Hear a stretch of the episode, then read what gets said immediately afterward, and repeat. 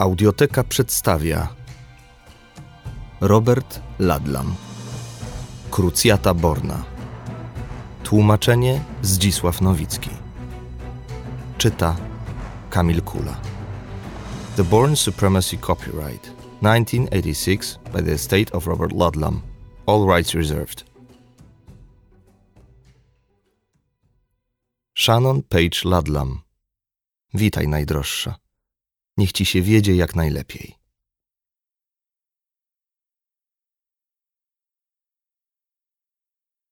Rozdział pierwszy. Kowloon. Kipiący życiem, najdalej wysunięty skrawek Chin. Z rozciągającymi się na północy terenami łączy go jedynie niemożliwa do zerwania duchowa więź żyjących tam ludzi – ignorująca brutalne, praktyczne aspekty istnienia politycznych granic. Ziemia i woda stanowią tu jedność.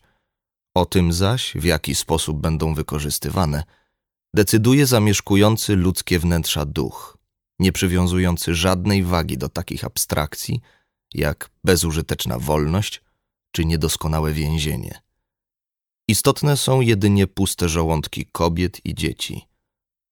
Przeżyć tylko to się liczy. Cała reszta to łajno, nadające się wyłącznie do rozsypania po nieurodzajnych polach.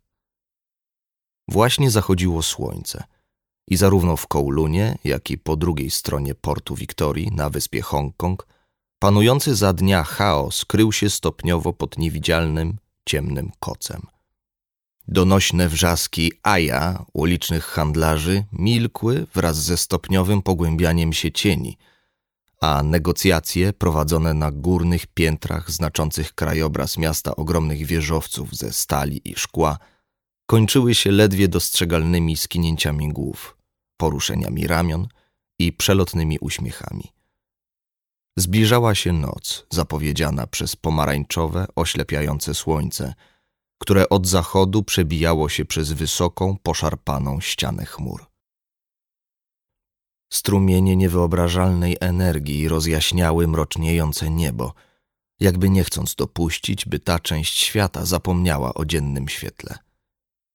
Już wkrótce na niebie miała się rozpostrzeć nieprzenikniona ciemność, zupełnie jednak bezsilna wobec wymyślonych przez ludzi świateł, rozpraszających mrok na tej części ziemi, gdzie ląd i woda stanowiły pełne niepokoju drogi porozumienia i konfliktu.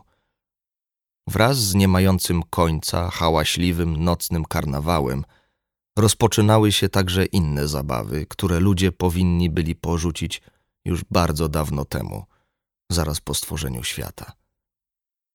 Wtedy jednak jeszcze nie istnieli, więc kto mógł o tym wiedzieć, a tym bardziej przywiązywać do tego jakąś wagę? Wówczas jeszcze śmierć nie była artykułem pierwszej potrzeby. Niewielka, odrapana motorówka o zadziwiająco mocnym silniku sunęła kanałem Lamma, kierując się w stronę portu. Dla postronnego obserwatora stanowiła jedną z wielu Xiao Wanzhu, odziedziczonych w spadku przez najstarszego syna po ojcu rybaku, któremu dzięki wygranym w Madżonga, a także przemytowi haszyszu ze Złotego Trójkąta i diamentów z Makału, udało się osiągnąć względną zamożność. Kogo to obchodziło?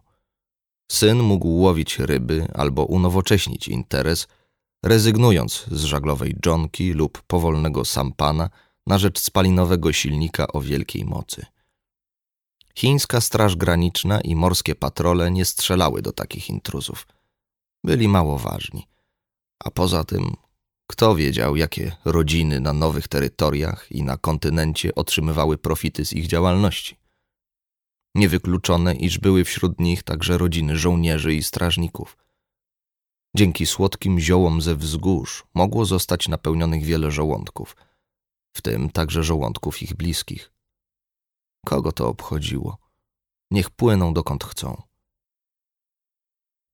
Mała jednostka z przednią częścią kokpitu starannie zasłoniętą płócienną plandeką zmniejszyła prędkość – manewrując ostrożnie wśród rozproszonej flotylli dżonek i sampanów powracających do zatłoczonych nabrzeży Aberdeen.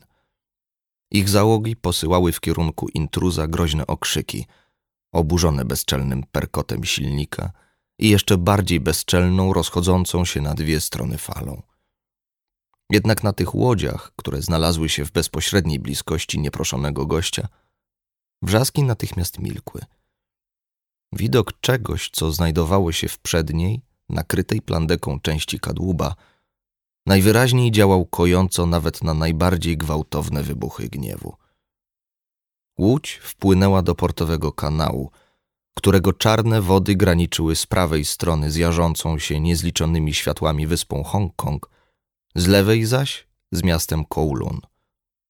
Trzy minuty później warkot doczepionego silnika przeszedł w najniższy rejestr, a łódź wsunęła się między dwie obskurne, zacumowane przy magazynie barki i przybiła do pustego miejsca w zachodniej części Cimshatsoi, wiecznie zatłoczonego, ceniącego pieniądze nabrzeża Kowloonu.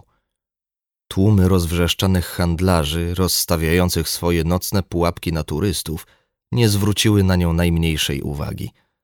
Ot, jeszcze jedna dzieci wracająca z połowu. Kogo to obchodziło? Jednak już wkrótce, podobnie jak wcześniej na wodzie, przekupnie zajmujący stragany najbliżej niepozornej łodzi zaczęli stopniowo milknąć. Podniecone głosy cichły jeden za drugim – a wszystkie oczy kierowały się ku postaci wdrapującej się na nabrzeże po czarnej, przesiąkniętej smarami drabinie. Był to święty człowiek. Szczupły, wysoki, a nawet bardzo wysoki jak na John Quarena, gdyż miał blisko metr osiemdziesiąt wzrostu. Odziany był w długi, śnieżno-biały kaftan. Jego twarz pozostawała prawie niewidoczna, wiatr bowiem szarpał luźnym materiałem i przyciskał go do jego smagłego oblicza – Spod białej szaty widać było jedynie błysk zdecydowanych na wszystko fanatycznych oczu. Nie ulegało najmniejszej wątpliwości, iż nie był to zwyczajny mnich, lecz Heshang, wybrany przez mądrych starców, potrafiących dostrzec w młodym mnichu cechy predestynujące go do dokonywania nadzwyczajnych czynów. Fakt, że człowiek ów był wysoki i szczupły, i że miał płonące spojrzenie w niczym tu nie przeszkadzał – tego rodzaju święci mężowie zwracali na siebie uwagę, której towarzyszyły zazwyczaj hojne dary, składane często z czcią, a prawie zawsze ze strachem. Być może Heshang należał do jednej z tajemniczych sekt wędrujących wśród wzgórz i lasów Guangdze lub do jakiegoś religijnego bractwa mającego swą siedzibę w odległych górach Kingzong-Goyan. Członkowie tych bractw, będący podobno potomkami ludzi zamieszkujących dalekie Himalaje, budzili największy lęk, gdyż mało kto rozumiał ich zagmatwane nauki.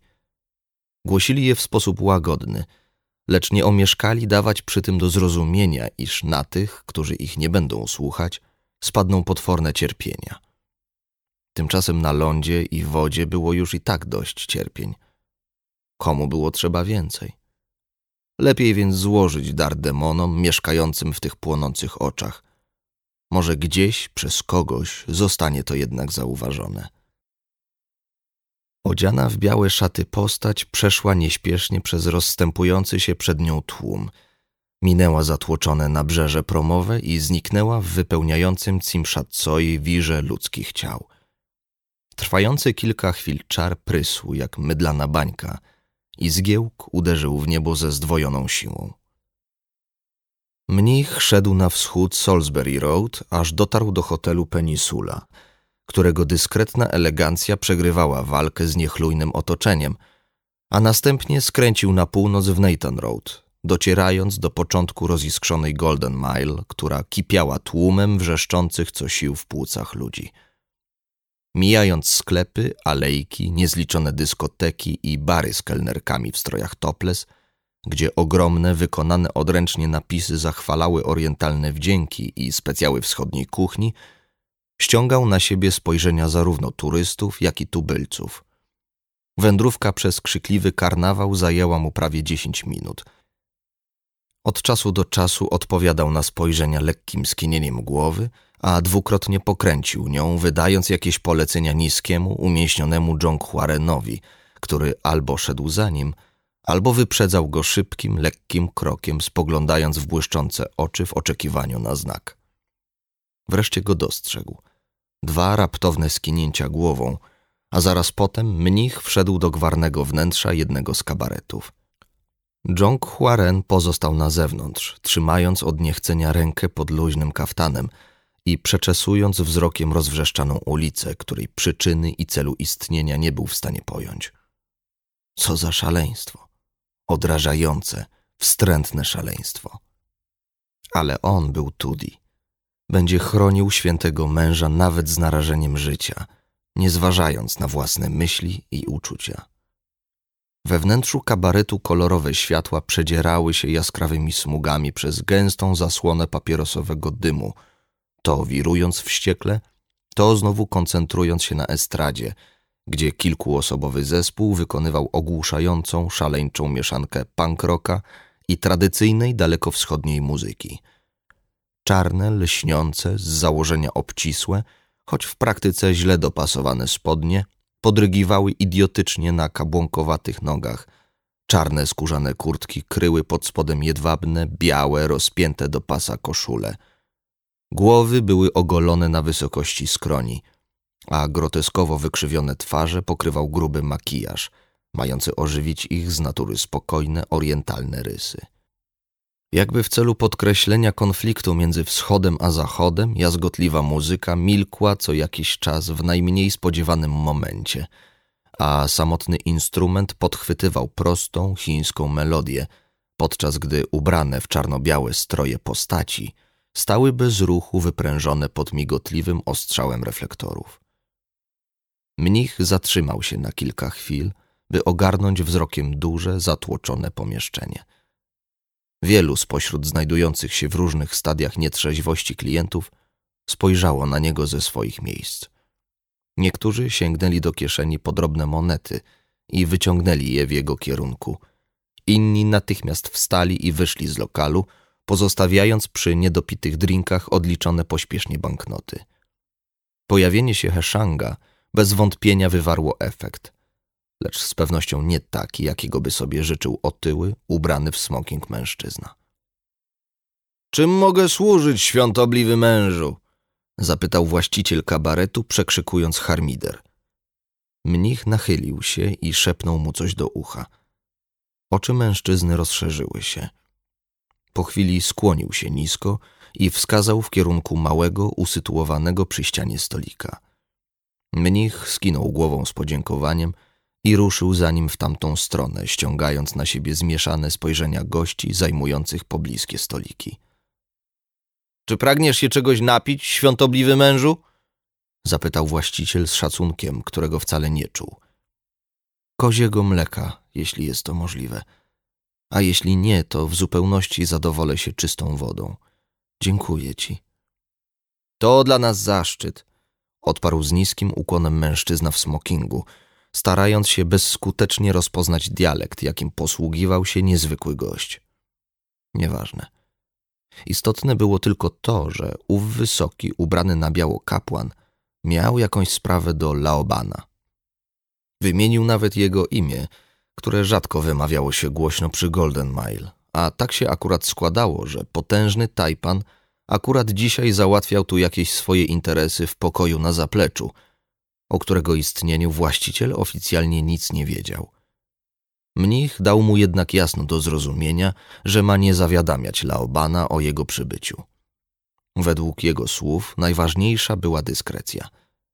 Kiedy szlachetny Tajpan zechce się z nim zobaczyć, bez wątpienia przyśle kogoś po niego. Niech i tak będzie, skoro taka była wola tajemniczego Laobana, jednego z najzamożniejszych i najbardziej wpływowych Tajpanów Hongkongu. Poślij chłopaka na drugą stronę ulicy po trochę tego cholernego koziego mleka, polecił właściciel kelnerowi. Tylko powiedz mu, żeby się pośpieszył, jeśli chce mieć w przyszłości jakieś potomstwo. Święty człowiek siedział spokojnie przy stoliku, przypatrując się nieco łagodniejszym spojrzeniem szaleńczej zabawie, najwyraźniej nie potępiając jej ani nie akceptując, tylko chłonąc z cierpliwością ojca obserwującego nieznośne, ale drogie mu dzieci. Nagle wśród wirujących świateł coś błysnęło. Przy stojącym w pewnej odległości stoliku ktoś zapalił dużą, sztormową zapałkę, po czym zgasił ją i zaraz zapalił następną, ale i te również szybko zgasił, aż wreszcie zapalił trzecią, którą przytrzymał przy długim, czarnym papierosie. Błyski otwartego ognia przyciągnęły uwagę mnicha, który obrócił powoli głowę w kierunku płomienia i nędznie ubranego, nieogolonego Chińczyka zapalającego papierosa. W chwili, gdy spotkały się ich oczy, kapłan ledwie dostrzegalnie skinął głową, otrzymując taką samą odpowiedź. Zaraz potem zapałka zgasła. Kilka sekund później stolik zajmowany przez ubogo odzianego mężczyznę z papierosem stanął nagle w płomieniach. Płomienie błyskawicznie ogarnęły wszystkie znajdujące się na stoliku papierowe przedmioty serwetki, kartę potraw i plecione koszyczki. Chińczyk wrzasnął przeraźliwie i z donośnym hukiem przewrócił stolik, w którego kierunku natychmiast rzucili się krzyczący w niebogłosy kelnerzy. Siedzący dookoła goście zerwali się w panice z miejsc, gdy pełznące po podłodze języki błękitnego ognia dosięgły ich stóp. Zamieszanie wzrosło jeszcze bardziej, kiedy ludzie zaczęli na własną rękę, głównie za pomocą obrusów, tłumić niewielkie ogniska pożaru.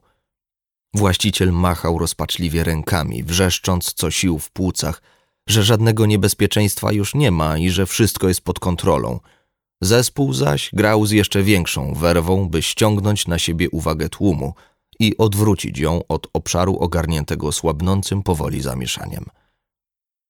Jednak chwilę potem zamieszanie wybuchło ze zdwojoną intensywnością.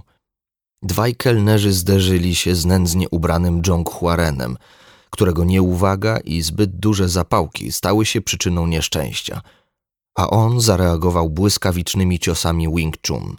Wyprostowane dłonie uderzyły w łopatki i gardła, a stopy w żołądki, odrzucając dwóch shiji w krąg klientów otaczających miejsce zdarzenia. Ów pokaz fizycznej przemocy wzmógł panikę i chaos. Otyły właściciel, rysząc wściekle, rzucił się na siewce zamętu, lecz natychmiast zatoczył się do tyłu, obezwładniony celnym ciosem w żebra.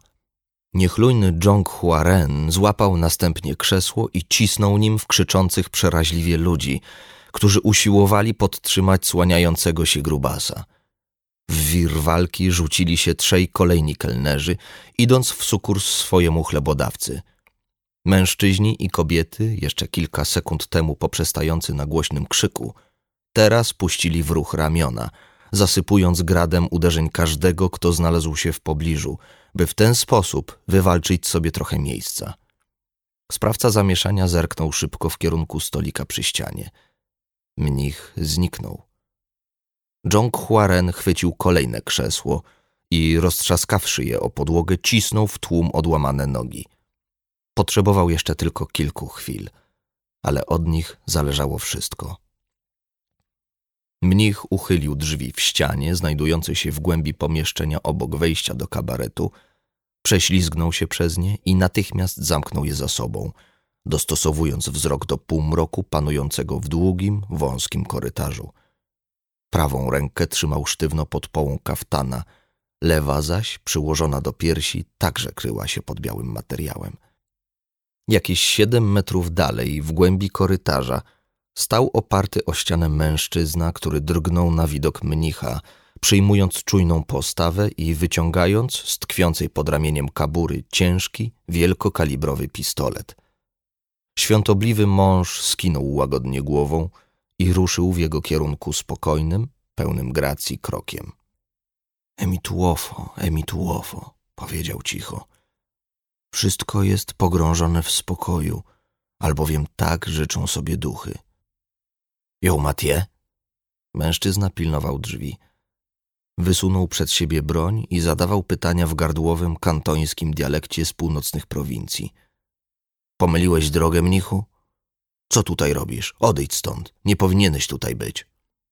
Emituofo, emituofo. Musisz stąd wyjść, natychmiast. Strażnik nie miał najmniejszych szans. Mnich błyskawicznym ruchem wyszarpnął spod kaftana długi, ostry jak brzytwa sztylet i uderzył w ściskającą pistolet rękę, o mało jej nie odcinając, po czym rozchlastał strażnikowi gardło idealnie prostym, niemal chirurgicznym cięciem. Głowa mężczyzny poleciała bezwładnie do tyłu, a z okropnej rany trysnęła fontanna krwi. To był bezpłatny fragment. Po więcej zapraszamy do aplikacji Audioteki.